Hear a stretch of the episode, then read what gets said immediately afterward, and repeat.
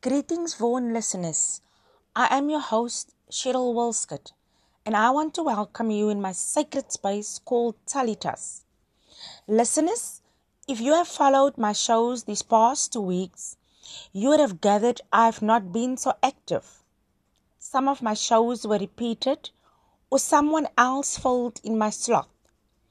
I went through a challenging time. I faced a few giants in my life but Isaiah 41 verse 10 has become my anchor.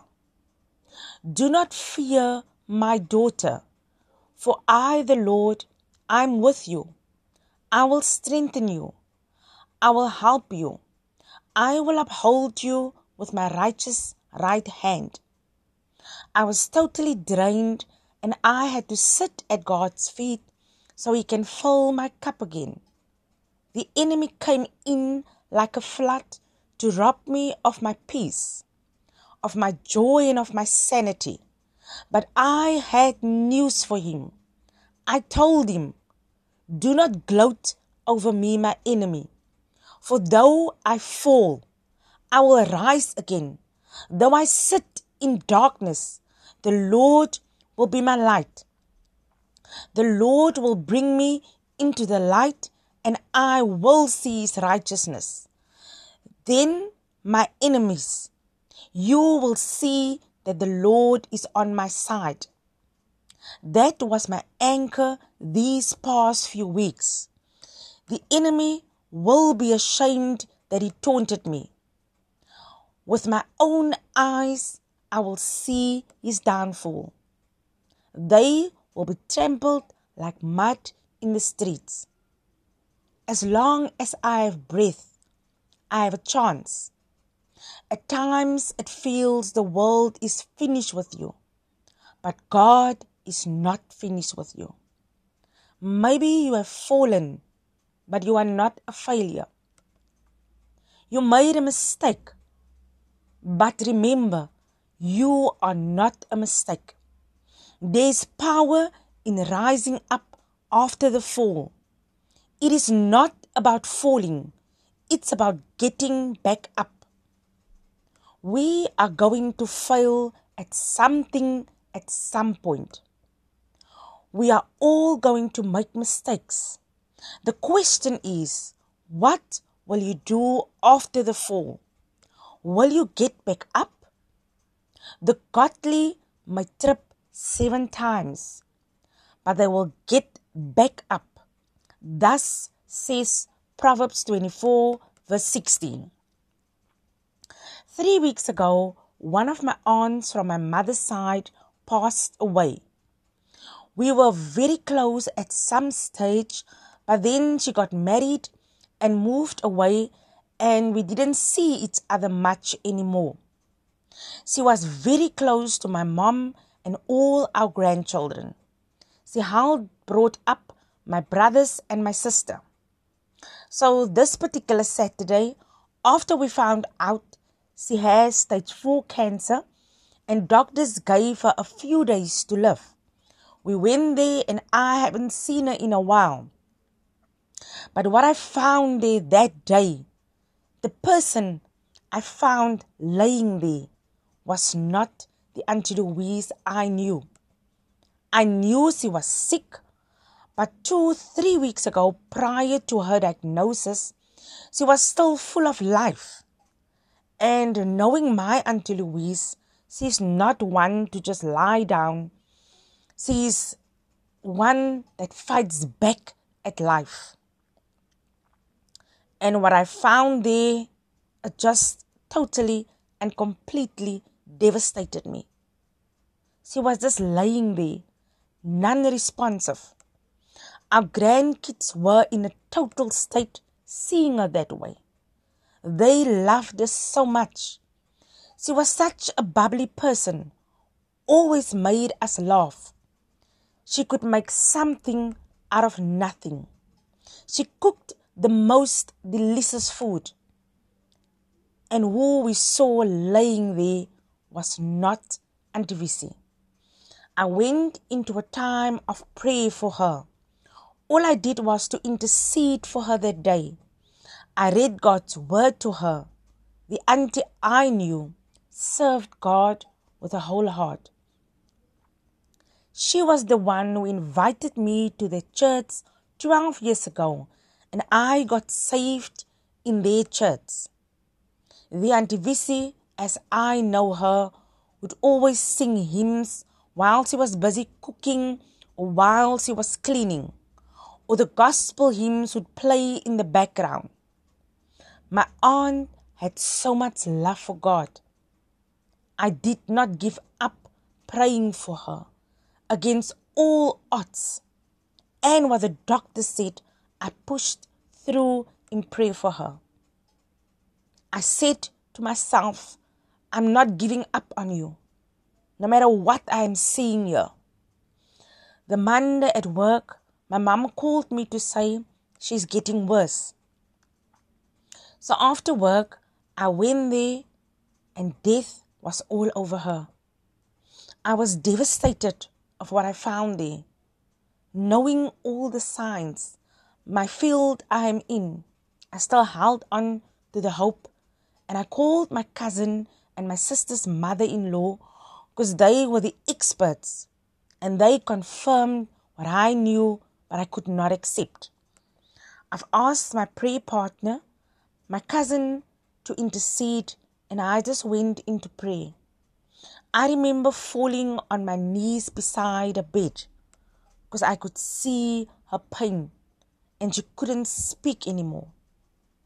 And you could see when you touched her, it was so painful. Seeing my family in tears, my baby brother was totally devastated. I could not give him false hope. I couldn't tell my family that it's going to be okay. She and my mom were so close. They were each other's best friends, besides being sisters. And her pain of losing a sister crippled her. You know, guys, I can't sing to save my life. And I played a song for her. Exhale net by. And in that moment, that words brought peace to me and I said to myself, Here vandag skuil ek net know I have to say goodbye. And it was in that moment that God showed me how he took a hand and she was dressed in white clothes and how she is dancing and the joy on her face. And at that moment, my sister Maxie called me and she said, Sister Cheryl, while I was praying for your auntie, I felt, I felt total peace. My auntie was a very strong person. She suffered a great deal in her life. She brought up her kids all by herself. I remember once listening to someone's testimony where the woman said that she doesn't know what it is to have money in a bank account. She might never drive a car in a lifetime. She was left with all of her grand- grandkids because all her own children passed away. Her cupboards was always empty, but every day God provided for her and her grandkids. She quotes Psalm 37, verse 25. I was young and now I'm old, yet I've never seen the righteous beg for bread. And she never had to beg for anything. And the little she had, she always shared with the ones who had nothing. Every day she had to feed lots of kids in a neighborhood. She knew God as a daily provider. Habakkuk 3 verse 17 became an anchor. Though the fig tree does not bud, and there are no grapes on the vine, though the olive crops fails, and the fields produce no food, yet I will rejoice in the Lord. I will rejoice in the God of my salvation. And that is how my aunt was. She was always there for others. She never complained. She was always strong for other people. She will go hungry as long as everyone around her had something to eat. Even in the times when others mocked her, when others trampled on her, when they used her, she stayed humbled. She has fought the good fight. She had finished her race. She had kept the faith. I believe some of us, or most of us, have an untold story in our lives, a part of our lives we don't enjoy talking about. It's not that we are ashamed or anything, because God has washed us clean from all our sin and shame. And as it is written in Revelations, our testimony is our weapon against the enemy. But some things are just unpleasant to think about, and at times it just brings the pain of that moment back. During this time of my aunt's death, God bestowed this upon me to share with you ladies are still to marry. Know who you get married to. Make sure you know who you commit your lives to. He is going to be a part of your life forever. He is going to be the father of your kids. His life is going to affect your next generation's lives. If a man causes you pain while you're still dating, and I mean any form of pain, may it be verbal abuse, physical or emotional abuse. Do you think God would want you to marry such a guy? These days, some women are so focused on marrying for security purposes. Yes, a husband should take care of his wife, but that should not be your only focus. Is money and security going to fill that lonely nights? Being in a marriage with the wrong person will make you feel lonely and you will only find comfort when you're in your own company. It sounds really empty and sad. I know women who are married that are okay with their loneliness. Husband leading a separate life. As long as husband provides financially, they are okay.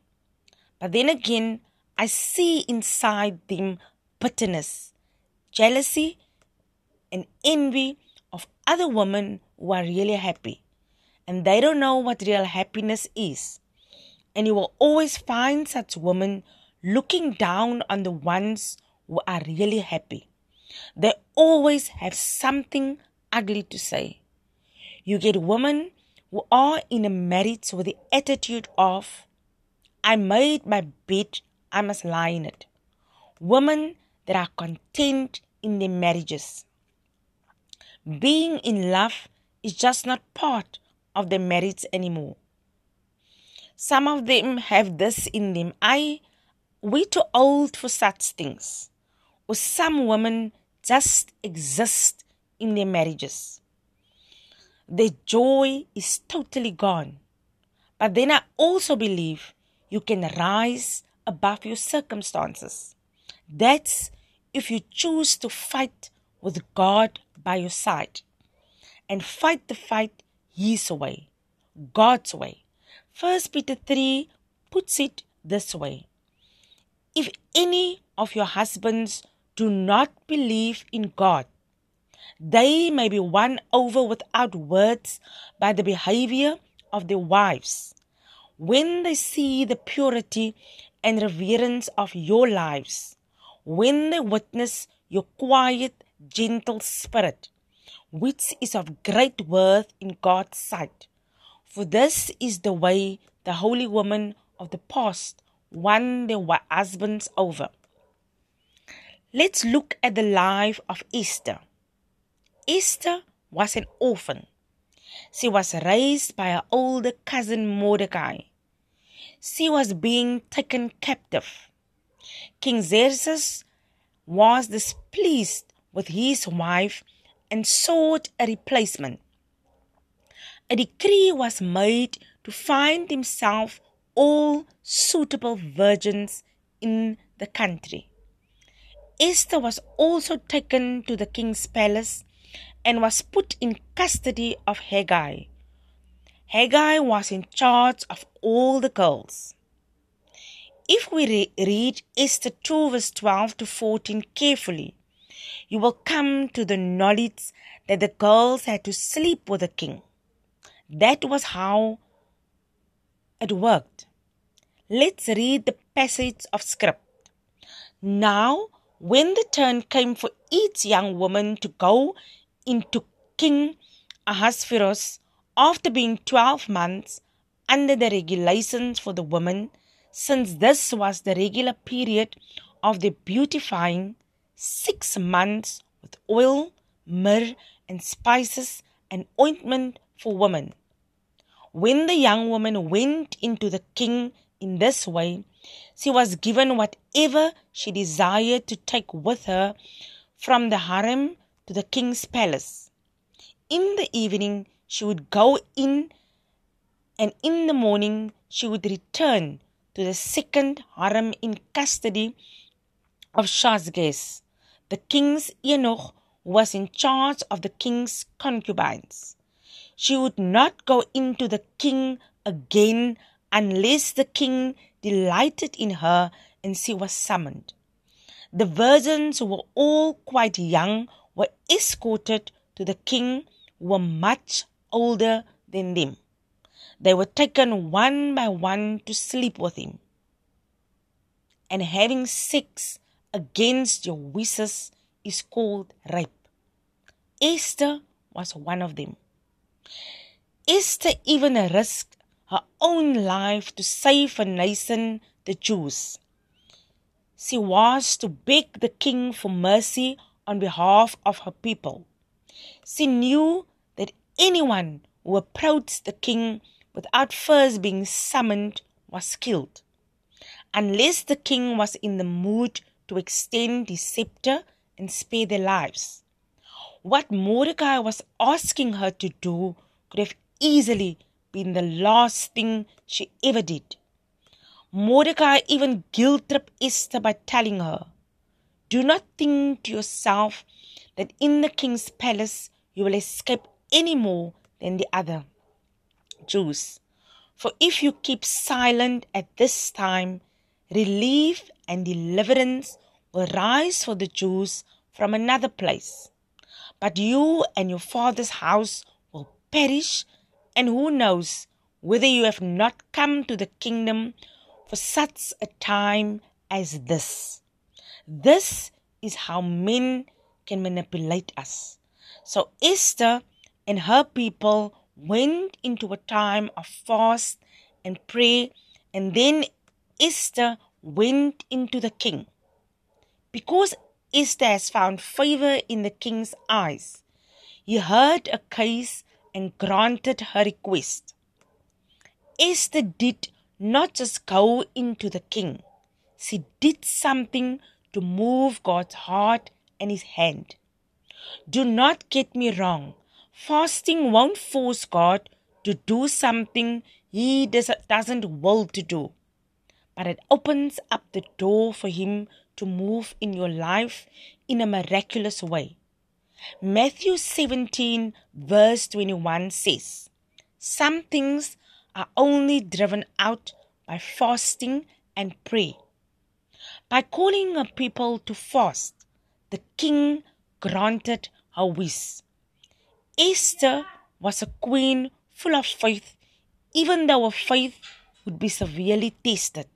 She pulled through, and God used the accents to save her people. The story of Esther proves how God can use anyone for his plans and how we, especially women, can fight our fears and bring glory to God. The story of Ruth zooms in on a day in the life of everyday people. It's bluntly honest about the hardships and challenges faced by women in society, which may be familiar to women today. Ruth was a young single woman who traveled across a barren desert to find a new home in a small town, where she met and married a young farmer. It might sound romantic, but it is actually the story of a courageous woman's hardship. Her journey across an unforgiving country to settle among a new community. I saw a lot of the same courage in so many women today, even in my mother's life and even in my late aunt's life. This story proves to us how the God of Israel works within the everyday lives of normal people to bring about personal, national, and universal redemption. Ruth was seen as an outsider. She had the wrong heritage, wrong gender, wrong marital status. The only thing she could offer Naomi beyond companionship was her ability to glean, which is the same as getting a social grant in today's time. Ruth lived in constant fear of assault. Two women referring to Naomi and Ruth traveling alone through the desert for several days. Travelers on the road between cities were always in danger, and cities themselves could be terrifying places according Judges 20 verse 22 and 25. Even in the field where she gleaned, she might be assaulted because she is a foreigner. Boaz had to tell his hired hands not to touch her, and he warned her not to glean in another farm because there they might assault her. Ruth lived in a culture where you were expected to stick with your own ethnic group and you born into worship of your people's gods. She broke pretty much every box that can be broken without engaging in immorality. Ruth lived in a culture where young women were supposed to commit their lives to men. She boldly told Boaz, the older man, what to do according to Ruth 3 verse 9. Boaz asked her, Who are you? And she answered, I am Ruth, your servant. Spread your wings over your servant, for you are a redeemer.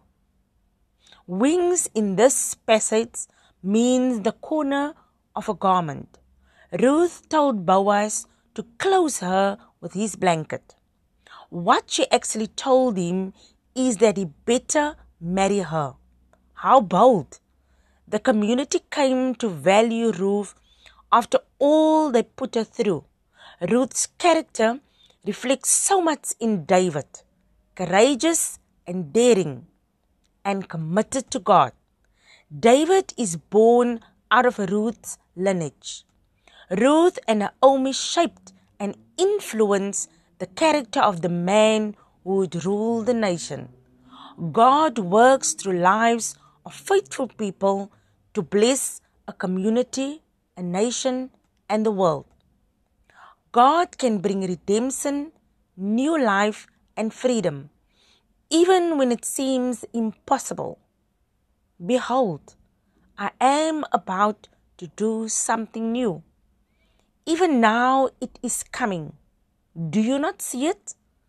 I will make a way in the wilderness and streams in the desert. Some women of God have to endure horrible things, but we at times clearly see the character and God's redemptive love at work in spite of the sins of man.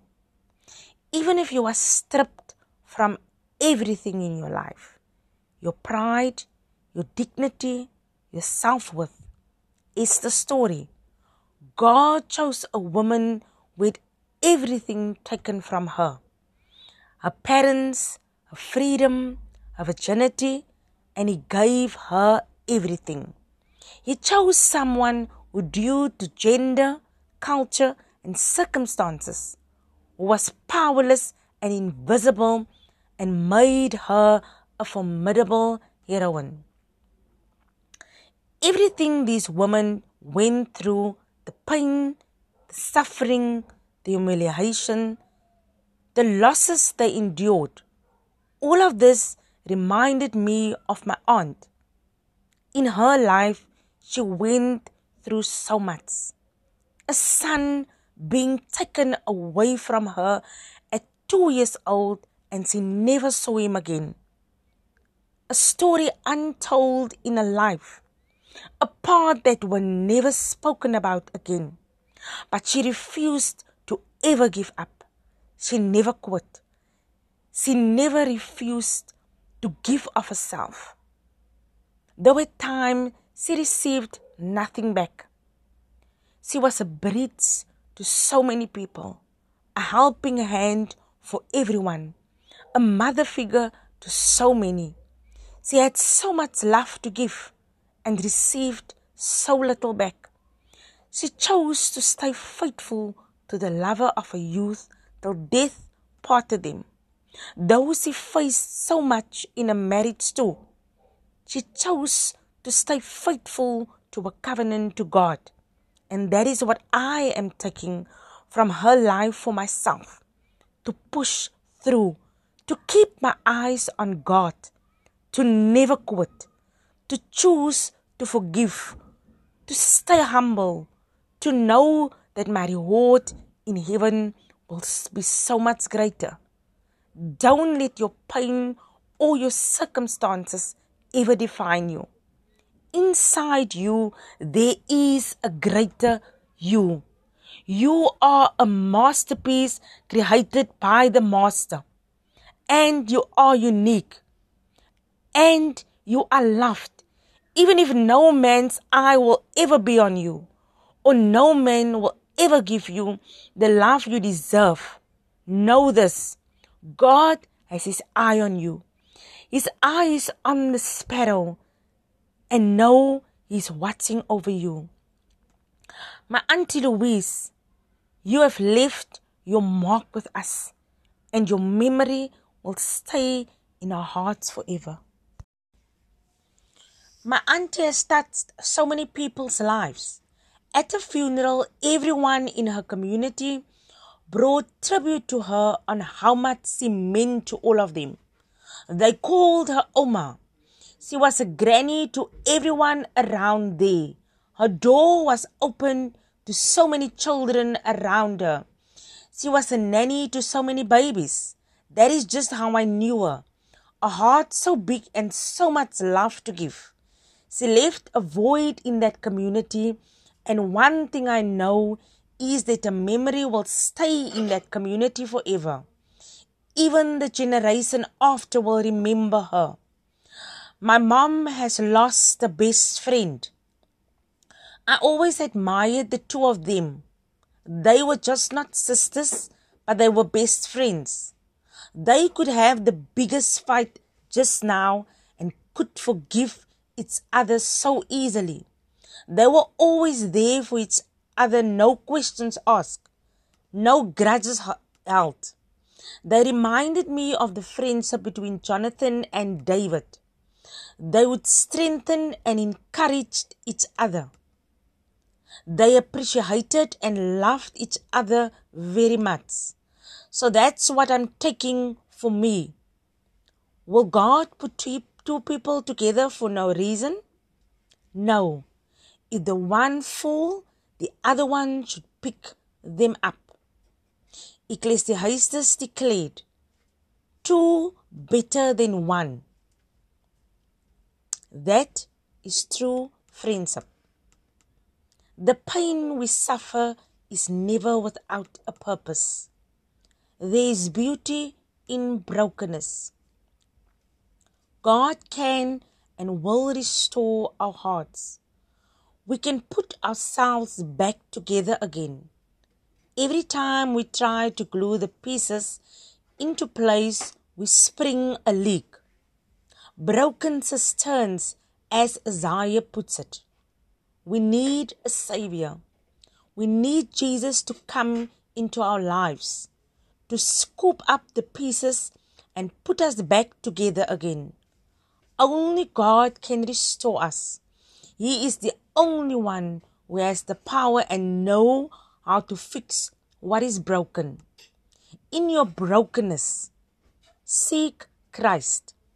God transforms the most broken, sinful moments of our lives into something that gives Him glory. He cleans us up, clothes us in His righteousness, help us gain clarity and focus and put us on the right path. We all at some point have been broken, some more than others. Trials and unexpected tribulations have worn us out, leaving us feeling depleted with nothing left to give. And somehow at times it makes us feel useless and worthless. But in my personal experience, even if we hit rock bottom, God somehow met me in a dark, broken place. He patiently spoke worth in me, building me over again. When we are broken, we are open and more willing to listen to God.